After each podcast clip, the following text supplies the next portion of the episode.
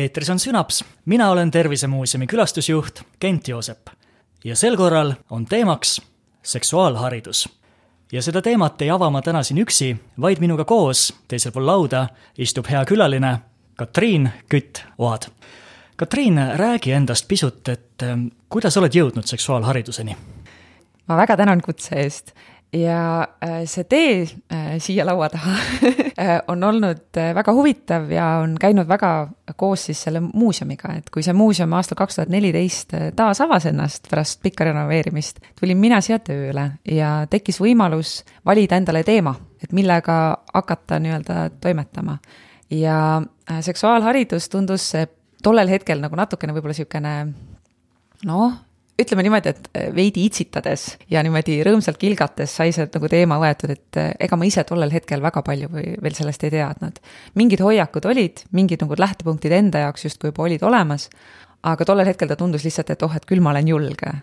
aga siis, kui me siin äh, nii-öelda koos muuseumiga, et et nii nagu muuseum on arenenud ja siin laiendanud, siis ka tegelikult see minu oskused, teadmised sellega kaasas on käinud ja ühel hetkel siis usaldati terve see seksuaalharidusprogrammi arendamine ka minu kätte.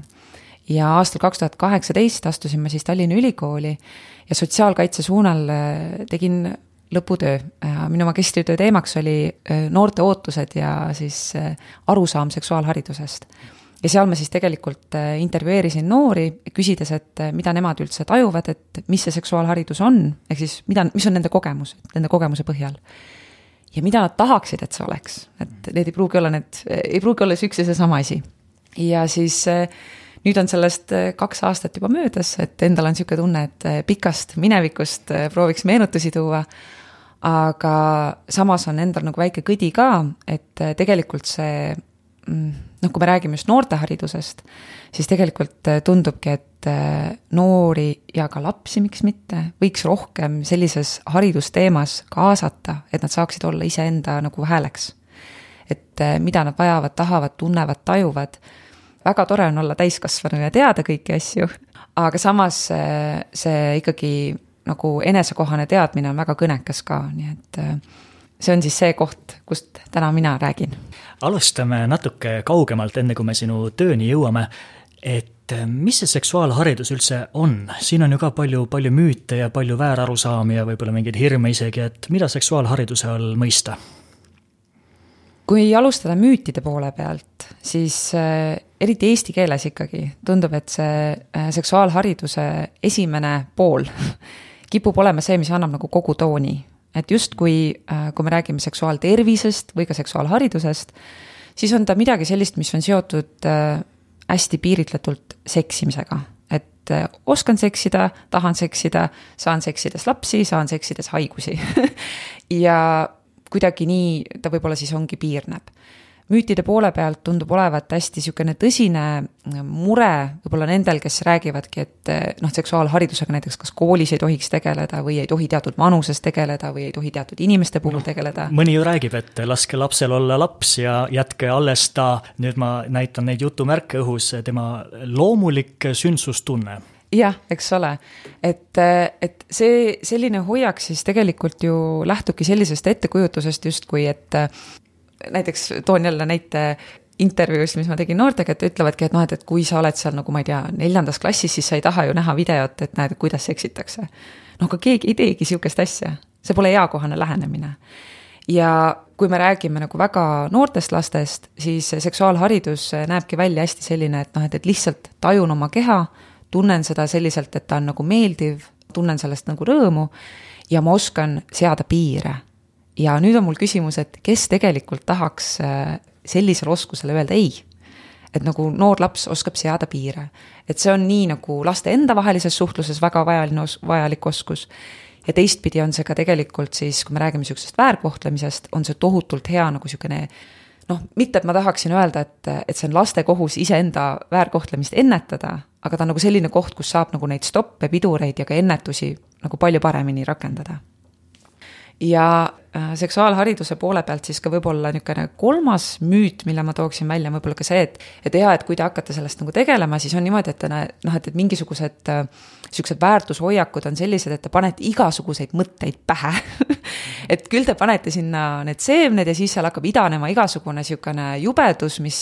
tekitab lõpuks sellise olukorra, et mitte keegi maailmas ei abiellu ja keegi ei saa lapsi ja kogu meie ühiskond kukub kokku. et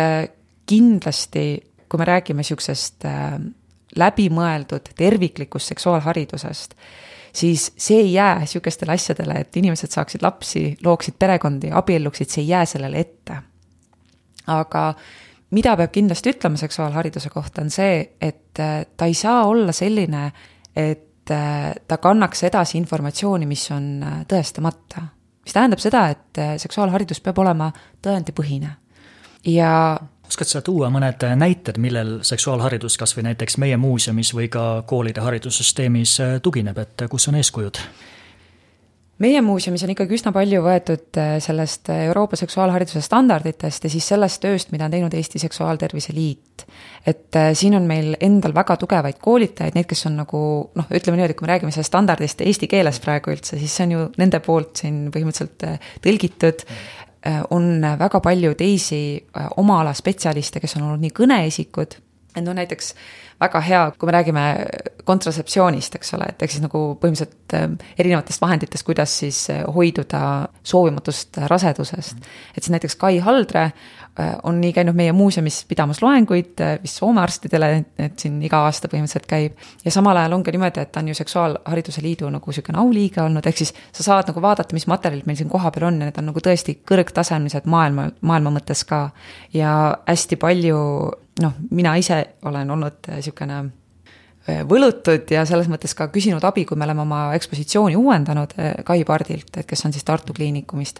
et noh, tõesti suurepärast tööd ja noh, neid inimesi on veel ja veel ja veel. et ehk siis Eestis kohapeal on omad spetsialistid, kes on aastakümneid teinud väga head tööd ja siis on ka olemas niisuguseid nagu suuremaid dokumente, mis aitavad nagu niisuguseid äh, siis noh, Maailma Terviseorganisatsiooni tasemel, eks ole, mingisuguseid asju äh, koostada. ja on olemas ka siis Maailma äh, Seksuaalhariduse äh, Liit või Seksuaaltervise Liit kui selline, kust ka siis tuleb erinevaid teadustöid ja nagu erinevaid siukseid ähm, väiksemaid ja suuremaid projekte, mis annavad siis nagu siukseid sisendeid ja tõukejõude ja ka nagu mõtteainet, et juhul, kui noh, kõige peale sa ei jõua alati mõelda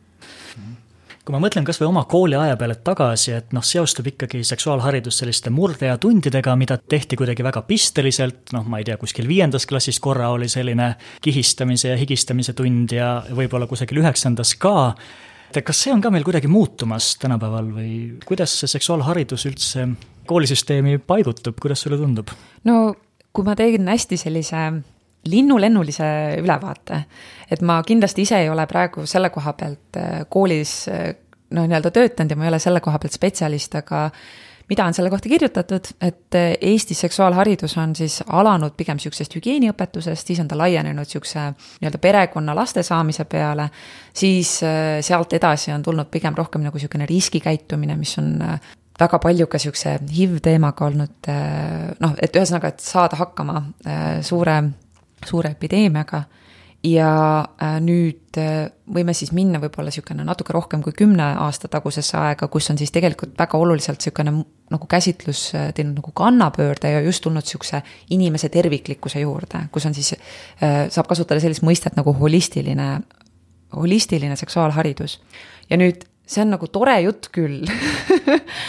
aga seesama asi, mida sa nüüd ise just ütlesid et pisteliselt viiendas klassis midagi ja siis pärast,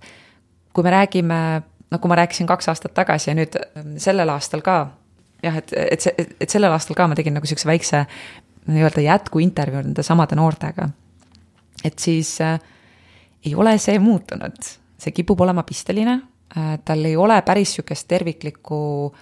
noh, ta ei tekita niisugust terviklikku kogemust, et noor tajuks, et, et noh, et, et, et, et ma nagu olen selle sees olnud sellisel viisil, et ma tunnen ennast nagu julgemalt, selgemalt ja ma tean täpselt, mis on toimunud. ja ütleme ka niimoodi, et ja noh, peab kindlasti kiitma kõiki häid inimese õpetuse õpetajaid, keda on ka Eestis väga-väga palju. mina võin öelda julgelt, et noored, kellega mina rääkisin, päris paljudel neist on ka olnud väga palju häid õpetajaid ja neil on häid kogemusi ja nad olid ise ka äh, väga äh, nii-öelda juba targad ja teadlikud ja oskasid ka väga hästi nagu analüüsida seda saadud kogemust, aga nende kõrval on väga palju neid, kellel on olnud see kas väga kallutatud äh,, väga kehva või täiesti selline tegelikult, et koolis ongi põhimõtteliselt see teema nagu justkui äh, nagu peaaegu et välja jäetud, et võib, võib, võib ka niimoodi öelda. et äh, hästi lühidalt siis öeldes vastus on see, et ebaühtlane. et noh, et ajalooliselt on ta teinud nagu sihukese muutuse, et olla pigem rohkem terviklikum. aga praegusel hetkel me ei saa öelda, et Eestis on seksuaalharidus terviklik nii et äh, seksuaalharidus, seksuaalhariduse tunnid ei ole midagi, kus inimesi õpetatakse seksima, eriti veel koolilapsi, eks ole. miks üldse seksuaalharidust anda, miks sellega kokku puutuda, mida see inimesele annab? Ma pean nüüd alustama sellest, et jah, et seksuaalharidus ei, ei käi üldse ainult seksuaalhariduse tunnis, et kui te vaatate ka põhimõtteliselt tikutulega lähed otsima sealt äh, ainekavast või kuskilt niimoodi, et kus kohas on nüüd see seksuaalhariduse tund, siis, siis seda selliselt ei ole, et noh, tavaliselt sellest räägitakse siis inimõpetuse tunnis, inimeseõpetuse tunnis. aga mida võib-olla äh, märgatakse või teatakse vähem, on see, et seksuaalharidus algab kodust, eks ole. see põhimõtteliselt algab äh, lapse sünniga. kui me vaatame standardeid, siis äh, selle Euroopa seksuaalhariduse standardi järgi soovitakse kuskil neljandast eluaastast alustada. seal on oluline just see enesepiiride seadmine, millest me juba natukene rääkisime. Ja kui ta läheb edasi siis jah, murdeea puhul on vaja väga palju infot tuua, on vaja noor nagu ette valmistada, et tal see murdeiga ei oleks selline, et on keeruline, palju hirme, et see on väga raske, vaid et just pigem, et ta mõistab seda protsessi, saab sellest läbi tulla. aga kui nüüd murde, murdeeast on läbi tulnud inimene, siis seksuaalharidus tegelikult jätkub. ja kui me vaatame nagu siuksel, no ma ei teagi, võib-olla sihukeste mikroannustena, et siis põhimõtteliselt niisuguseid seksuaalhariduslikke sõnumeid tuleb kogu aeg igalt poolt. Need on väikesed niisugused kasvõi sõnakillud, et mida me lubame, mida me ei luba öelda, vahetevahel väga palju öeldakse, et keegi ei taha, et nagu, et, et me oleme niisugused keelepolitseinikud, et noh, et ma ju tahan niimoodi väljendada ennast. ja ega keegi ei tahagi olla keelepolitseinik, aga lihtsalt küsimus ongi, et milliseid sõnumeid ja milliseid väärtuseid me nagu kanname ja seksuaalhariduse puhul siis ongi nagu see, et, et see tuleb nagu kokku väga paljudest asjadest ja ta on midagi sellist, mida inimesel on põhimõtteliselt lihtsalt inimeseks olemiseks vaja. ja nüüd ongi küsimus, et äh, kui me ei tegele seksuaalharidusega nagu teadlikult, et me teadvustame, et me teeme seda ja me teeme seda tõenduspõhiselt,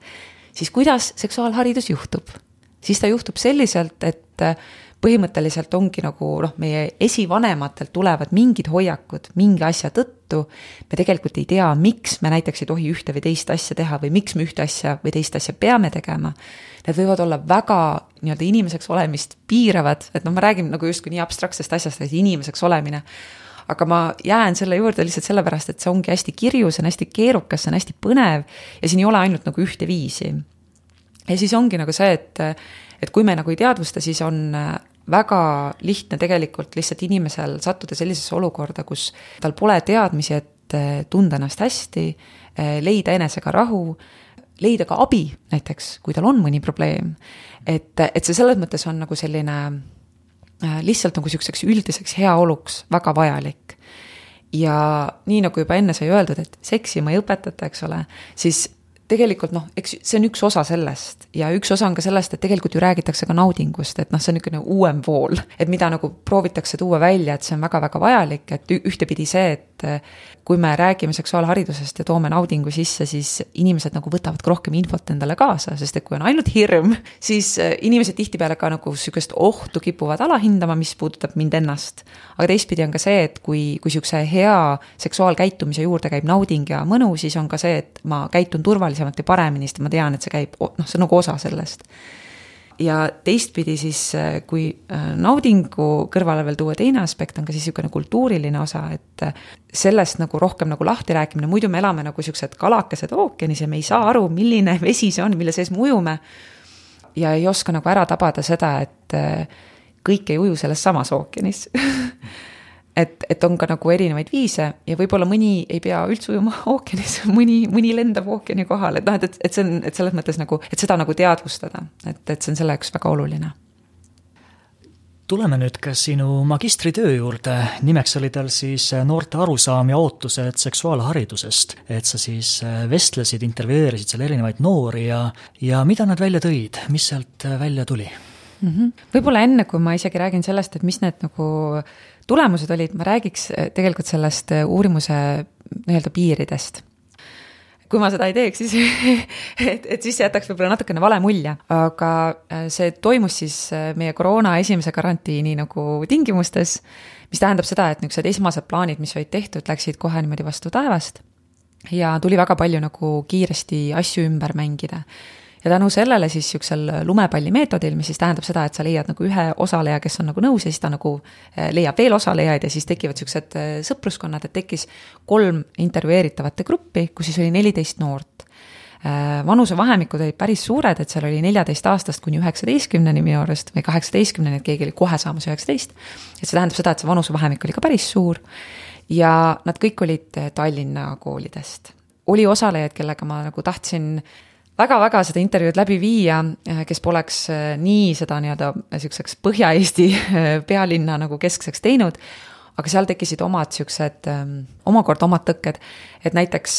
valimist jäid välja need noored, kes ütlesid, et sellisel teemal nagu seksuaalharidus ei saa nad kodus üldse sellisel viisil rääkida, et nad võiksid isegi küsida oma vanema käest luba, kas ma võin niisugusel asjal osaleda. sest et kuna tegu oli ikkagi põhiliselt alaealiste inimestega, siis, siis ongi nagu see asi, et mina ei saanud neid lihtsalt nagu jutule kutsuda, vaid kõik pidid saama siis oma vanemalt ka selleks loa. nii et äh, see tähendab siis seda, et äh, kõik olid saanud oma vanematega rääkida, mis tähendab, et need perekonnad olid juba piisavalt avatud ja kui need vanemate vastused mulle tulid, siis mulle jäi mulje, et olid ka väga sekspositiivsed räägime mõiste lahti, mida tähendab sekspositiivsus? no sekspositiivsus ongi siis selline, et kui me räägime põhimõtteliselt siis inimese seksuaalsusega seonduvast, siis see tähendab seda, et selles on nagu niisugune hinnangute vabadus, äh, seal on selline, et et ei ole nagu tabuteemasid ja pigem on nagu see, et seksuaalsust nähaksegi siis niisuguse äh, inimese terviku juurde kuuluvaks. et ta ei ole nagu seotud mingi ebapuhtuse, noh, et, et, et kui ma nagu tunnen mingit seksuaalset tunnet, et siis ma olen nagu kuidagi halb, paha ebapuhas, pean häbenema. et selliseid asju ta ei propageeri ja püüabki siis nagu ütleme niimoodi äh, lähtuvalt erinevatest headest tõenditest äh, tuua just seda, et noh, et miks mingisugune asi on sellisel viisil, miks ta on normaalne. ja kuidas siis võib-olla mingitest asjadest hoopis rõõmu tunda, et sealt tuleks siis see sekspositiivsus selge, aga magistritöö, et äh, jällegi, et noored siis, mida nad tõid välja veel, mis sulle meenub? jaa, sellest samast asjast kinni võttes, mida sa ise ütlesid, siis tõesti ei ole niisugust väga terviklikku kogemust ja seda ma olen vist siin juba öelnud paar korda. et tõesti, see on üks tõsine, tõsine probleem. ja võib-olla üks asi, et kui, kui saaks midagi muuta niimoodi võluvitsaga, siis kohe tahaks, et, et saaks selle kuidagi terviklikumaks, paremaks, läbimõelduks ka koolipingis, see oleks väga tore. aga probleemiks olid ka siis nagu see, et ähm, noored väljendasid sellist asja, et äh, see, mida õpetatakse, kipub olema väga akadeemiline või kuiv kui räägiti noh, mida seal tunnis tihtipeale tehakse, siis hästi palju sihukest pahameelt tekitas see, et noh, jälle me vaatame seda anatoomilist joonist, ma võin seda õpikust ise ka lugeda, kas on nagu mingit päris teadmist. ja mis oleks see päris teadmine, mida nad küsivad, on see, et ma tahangi teada, kuidas juhtida oma tundeid, kuidas saada hakkama suhete sees, väga tõsine teema, mis kerkis äh, väga mitme nurga alt ja ka jätkuvestluses väga tõsiselt kerkis üles, on nõusolek. Et äh, ja mitte ainult see, et äh, et kuidas öelda, noh, ma ei tea, ma ei taha näiteks sedasorti puudutamist või, või seksuaalvahekorda sinuga, vaid ka see, et kui ma olen valinud su näiteks oma partneriks ja meil on suhe, kuidas selle sees öelda ei? kuidas öelda nagu, kuidas, kuida- ja, ja noh, võib-olla see on ka seotud selle tunnete juhtimisega, et kuidas ka ise kogeda näiteks sihukest ähm, mittenõustumist mingisuguse tegevusega, et, et noh, et, et et see ei ole alati nagu mulle antud kui nagu selline eitus, vaid see on võib-olla mingisugusele tegevusele, mingisugusele liigutusele, mingisugusele hetkele.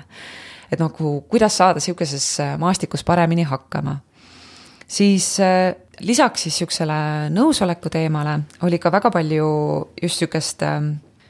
noh, toodi to,, toodi mitmes korras välja ka sihukest äh, nii-öelda perevägivalla ja suhtevägivalla teemat. ja, ja nagu kritiseeriti seda, et noh, et, et kui nüüd koolides sellest räägitakse, siis on see nagu statistika, aga see on kuidagi niisugune nagu,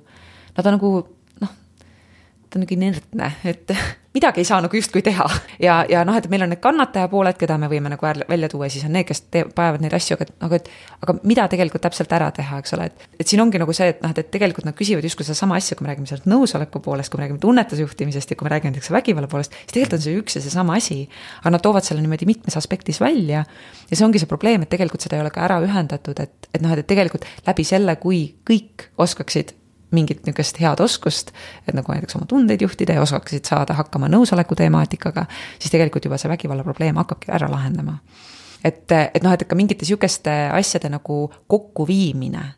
võib-olla aeg-ajalt ongi nagu see, et tulevad, noh, tuleb ka välja see, et noored ka tajuvad, et noh, et, et neid kuidagi ähm, sihukeses koolitunnis ei võeta nagu päris võib-olla võrdse partnerina ka, et noh, et, et, et ja võib-olla ka alahinnatakse, et mida kõike võib öelda ja mida, millest kõigest võiks rääkida. ja päris mitmed õpilased ka rääkisid, et ikkagi see seksuaalharidus on väga äh, heteronormatiivne, mis, mis selles mõttes äh, tekitab probleeme ja ka vastuseisu ja noh, see on ka seotud sellega, et noh, kui me räägime, kui räägiks kasvõi riskipõhisest käsitlusest, siis kui ta on ainult heteronormatiivne, siis ongi, et mingid, mingid nii-öelda grupid jäävad sealt välja ja nad ei teagi, kuidas enda eest hoolitseda. ja teiseks on ka see, et lihtsalt sa ei tunne ennast ära selles teemas äh, ja siis tekib see küsimus, et aga nagu mis siis, mis siis minust või, või kuidas peaks ja noh, et siis, siis ka nagu niisugune üldisem võib-olla mingi hea teadmine võib lihtsalt nagu maha, maha kukkuda ja mitte kaasa tulla võib-olla kõige üllatavam asigi, mis nagu noori ennast üllatas seal intervjuu, intervjueerimise ajal, et noh, ma näitasin neile sihukest nimekirja, et noh, et mis kõik võiks olla nagu nii-öelda seksuaalharidus. ja seal oli siis äh, selle põhjal, mida me tegelikult oleme muuseumis siin teinud nagu tööd, et et meil on ju õpilased siin nüüd mitmeid-mitmeid aastaid tundides andnud oma küsimusi. Ja sellest on tekkinud meil niisugune küsimuste kogu. Ja enne oma magistritöö kirjutamist ja enne neid intervjuusid ma nagu vaatasin ka seda veidi nagu siukselt äh, analüütilisemalt siis üle. Ja sealt tekkisid nagu mingisugused siuksed võtmesõnad ja märksõnad. Ja siis, kui ma vaatasin veel seda äh, seks-, Euroopa neid seksuaalhariduse standardeid ja panin need asjad kokku, siis tekkis niisugune nagu ähm, märksõnade rivi. Ja sealt siis noored nagu vaatasid ja hästi palju üllatusid, et aa ah, jaa, et see kultuuriline pool ma justkui nagu ei tunne, et sellest oleks nagu niimoodi räägitud. ja noh, kui ma nagu ise nagu täiskasvanud inimesena vaatan, siis mul jääb niisugune mulje, et noh, kindlasti teil on midagi räägitud ajalootunnis, kunstiajalootunnis, kuskil muusikatunnis, kuskil bioloogiatunnis, kuskil matemaatikatunnis, kuskil erinevates tundides on midagi kindlasti tulnud selle kultuuri poole pealt ka, kasvõi sellest, milline on teie kooli kodukord. sellest tuleb ka natukene niisugust seksuaalhariduslikku kultuurilist sõnumit. aga noh, et, et nad tajuksid selliselt, et ähm, et nad on nagu selle teemaga tegelenud natukene teadlikumalt ja et nad oskaksid ka siis võib-olla tähele panna ja võib-olla märgata ja nii-öelda näha seda vett enda ümber. et see oli nagu selline koht, kus nad nagu tõesti listi lugedes mõned olid, oi, ma ei ole, ma ei ole selle peale nagu üldse mõelnud. et see oli nagu hästi-hästi põnev ja samal ajal ka nagu selline nagu kõnekas võib-olla aspekt. ja viimase asjana siis võib-olla tookski välja sellise asja, et, et noh, kui tuua siis niisugune, niisugused ebakõlad kokku, mida siis noor teeb et ja mis on nagu võib-olla kõlab ka siukselt positiivselt, et noor tegelikult ei jää niimoodi käte peal istuma, et, et, et on asjad halvasti ja pahasti. et noored, mida nad siis teevad, nad teevad seda, et nad räägivad omavahel, nad väga hästi naudivad neid olukordi, kui nad ka täiskasvanuid saavad niimoodi võrdse partnerina kuskilt väljaspool siis sihukest koolitundi äh, endale nagu vestluspartneriks, et rääkida, et kuidas siis elu päriselt on. ja no muidugi suunduvad ise otsingutele ja väga palju kasutatakse siis äh, pigem võõrkeelset, need siis äh, minu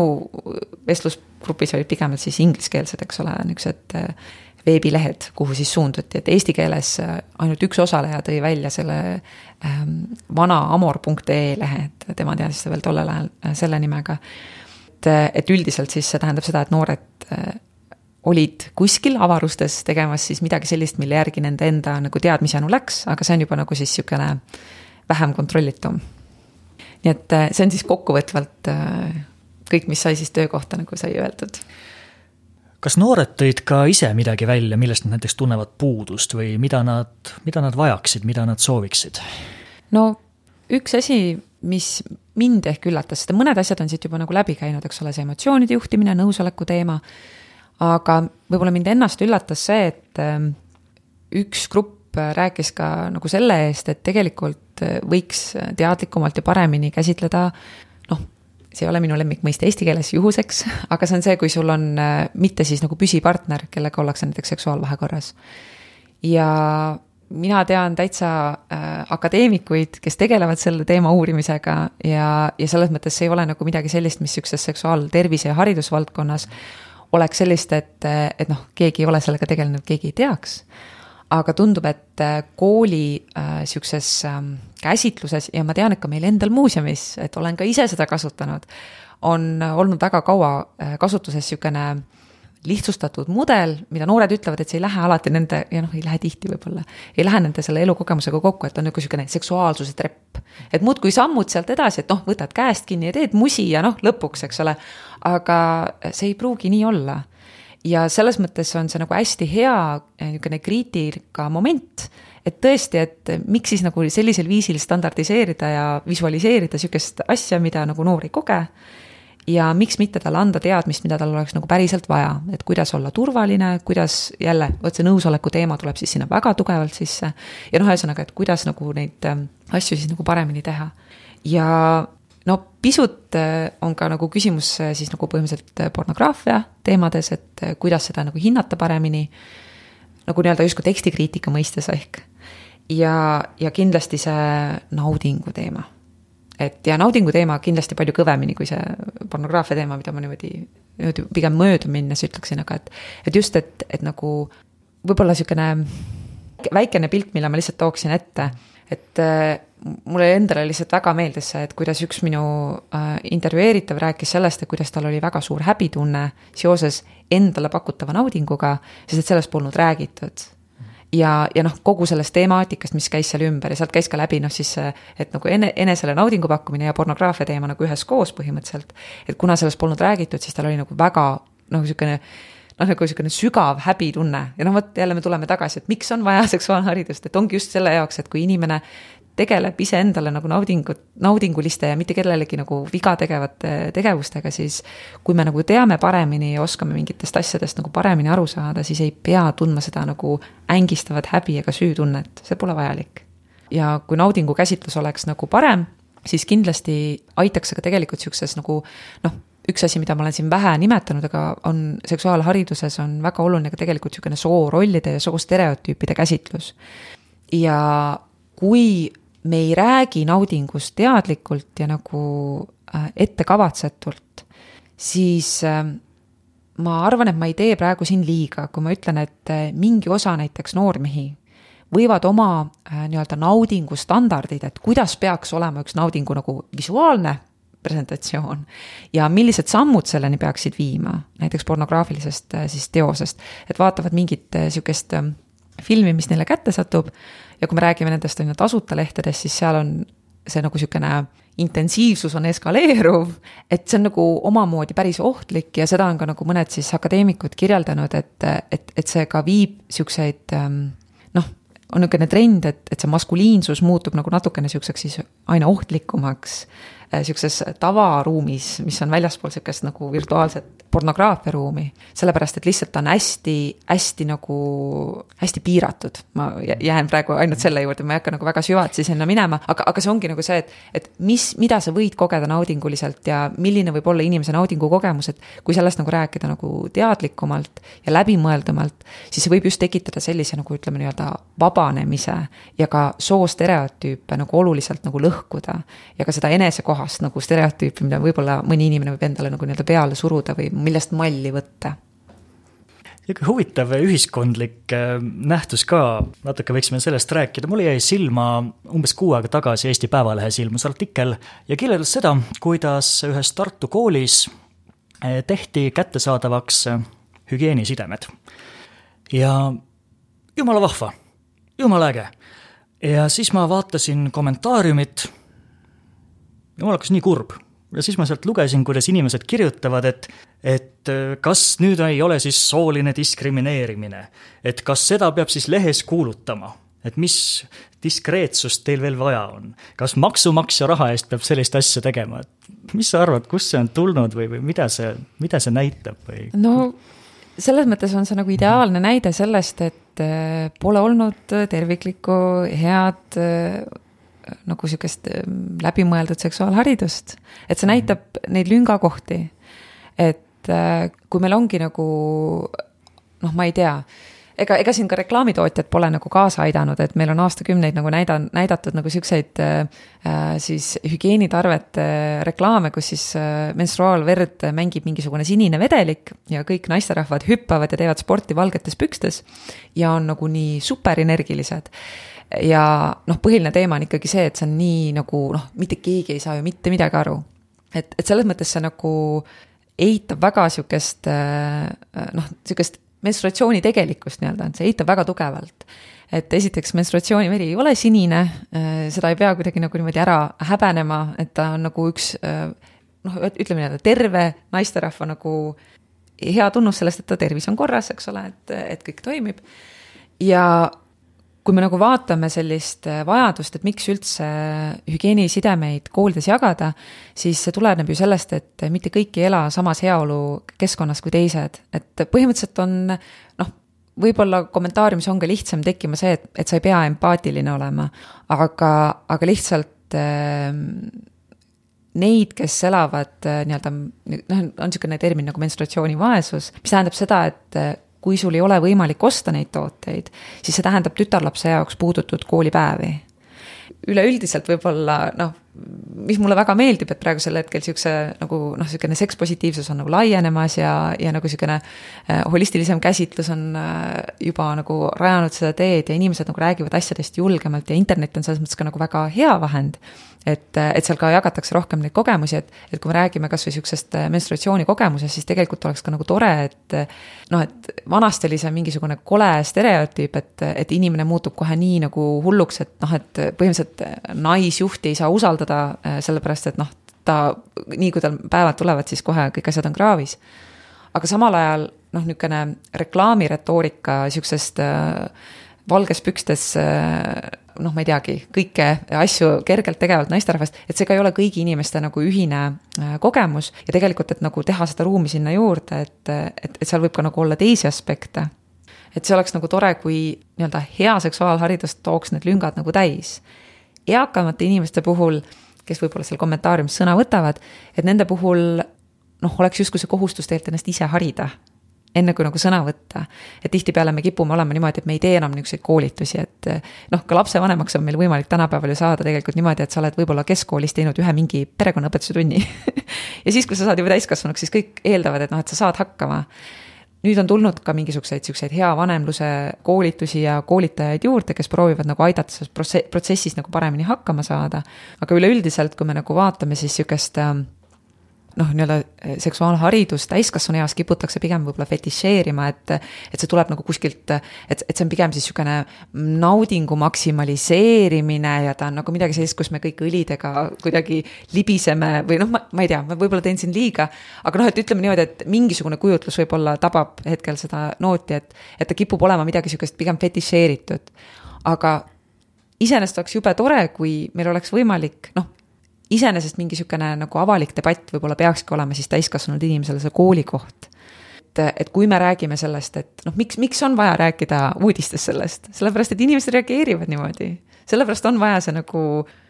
nii-öelda siivsus heita ja, ja hakata sellest rääkima avalikult, sest noh, see ongi võib-olla siis see koolikoht. et miks me peame sellest rääkima, me peame sellest rääkima sellepärast, et see artikkel ise ongi täiskasvanud inimesele kooliks, see on see koht, kus tema saab täita seda lünka. võib-olla ta kohe ei saa aru, võib-olla ta kohe ei mõista, et, et see teema on oluline ja tähtis, no see on natukene empaatia küsimus.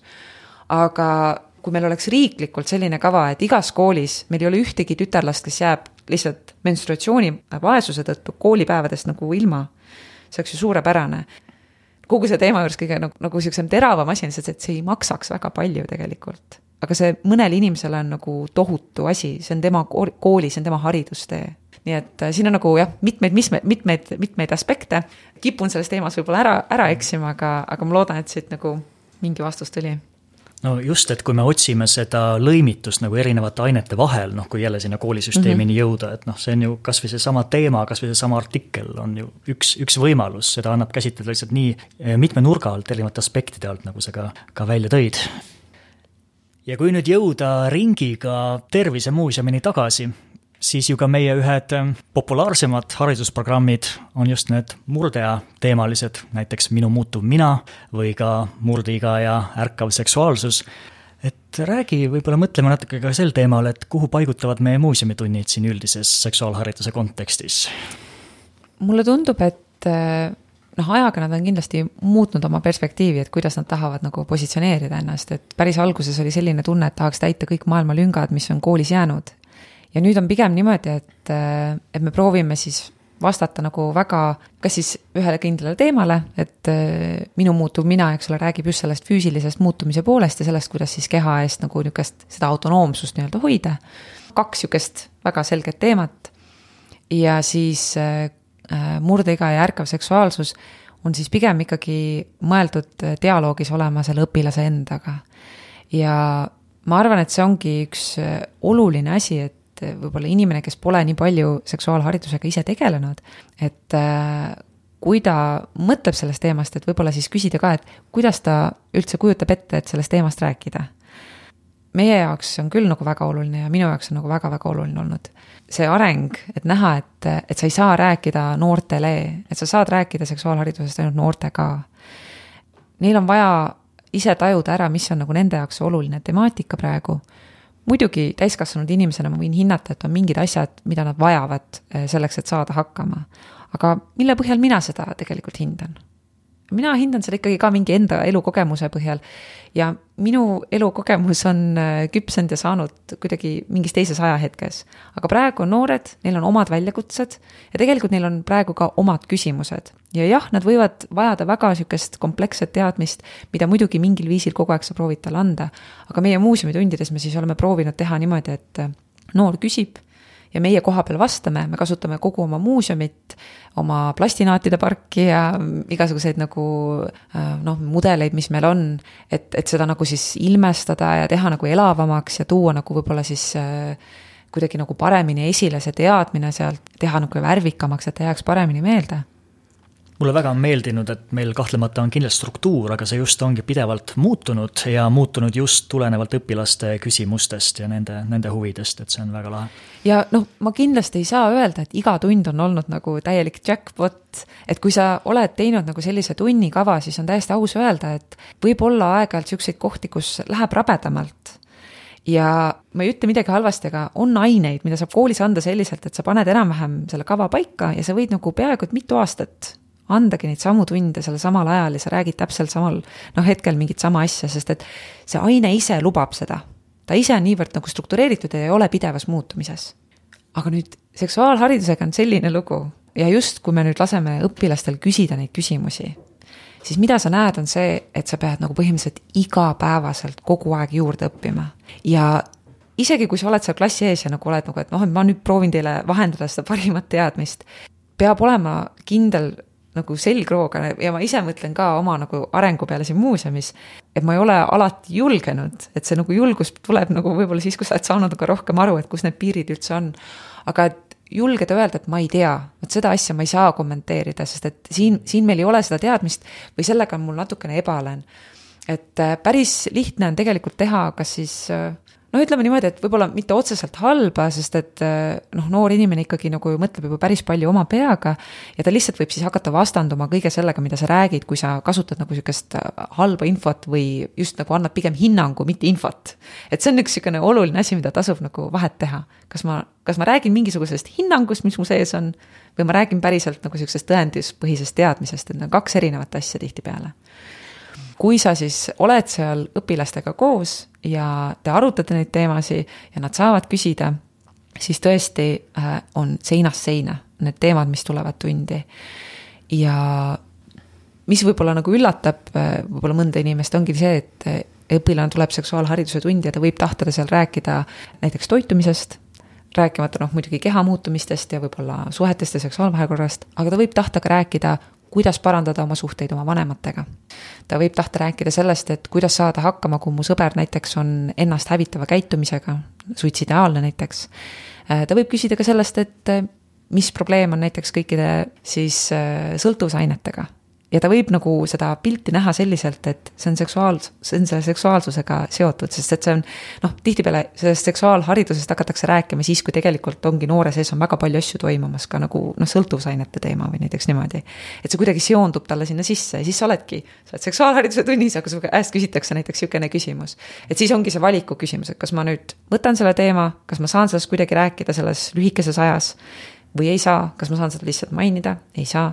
kas me ütleme, et tulge järgmine kord muuseumisse, meil on selle kohta ka tund et, et noh, et, et, et siin on nagu niisugune, et peab jala peal nii-öelda otsustama, et seisan siin teie ees ja mis saab. ma ise soovitaksin kõigile, et kes tegelevad ka inimeseõpetuse tunnis selle seksuaalharidusega, et. ja ma tean, et väga paljud inimeseõpetuse õpetajad ka teevad, et kui me oleme käinud ka õpetajatega rääkimas, siis õpetajad ka ise ütlevad, et neil on see metoodika nagu kasutusel, et nad lasevad küsida anonüümseid küsimusi ja see on nagu suurepärane, aga see on ka sellepärast suurepärane, et siis see õpetaja ise ka ei saa jääda mugavaks. et, et sa pead, nähes neid küsimusi, tihtipeale tuleb see, et aga ma pean üle kontrollima, ma pean uuesti üle vaatama ja võib-olla ongi, midagi on juba muutunud. et siis saab ajaga käia kaasas kuidas ajaga kaasas käia, kui nüüd tõesti siin lõpetuseks veel mõned sellised äh, portaalid või, või allikad veel äh, veel, veel nimetada, et mis need võiksid olla, kas või noorele endale või ka näiteks õpetajale, kes soovib ennast täiendada? mina eesti keeles äh, soovitaksin kindlasti minna vaatama seksuaaltervis.ee lehte. ja kui on noorel ka küsimusi, siis seal peaks olema ilusti väga hästi vastatud äh, niisugune sisestan oma küsimuse ja saan pärast vastuse, niisugune formaat. ja seal saab täiesti anonüümselt seda nagu ka teha. ja kui ei taha ise küsida, siis on seal väga palju väga head infot koha peal olemas ja nüüd õpetajatele, siin on materjale väga-väga palju, eesti keeles on olemas ja noh, inglise keeles on see nagu väga võimas äh, maastik tegelikult. aga et seal paremini orienteeruda, siis äh, äh, mõned lingid saab siis äkki panna sinna episoodi alla. Ja ma päris neid kõiki nagu ei hakkagi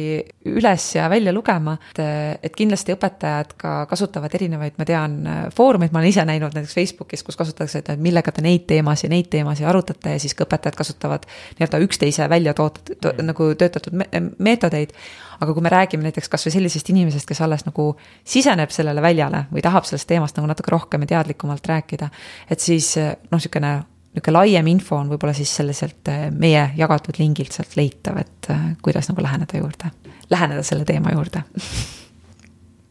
aga tõmbame selleks korraks siis jutuotsad kokku. rääkisime täna siis seksuaalharidusest, et mis see üldse on, kellele see on, mis see on, mida silmas pidada selle andmisel, mida, mida noored võib-olla ise ootavad. aitäh sulle, Katriin, et sa tulid ja seda teemat aitasid avada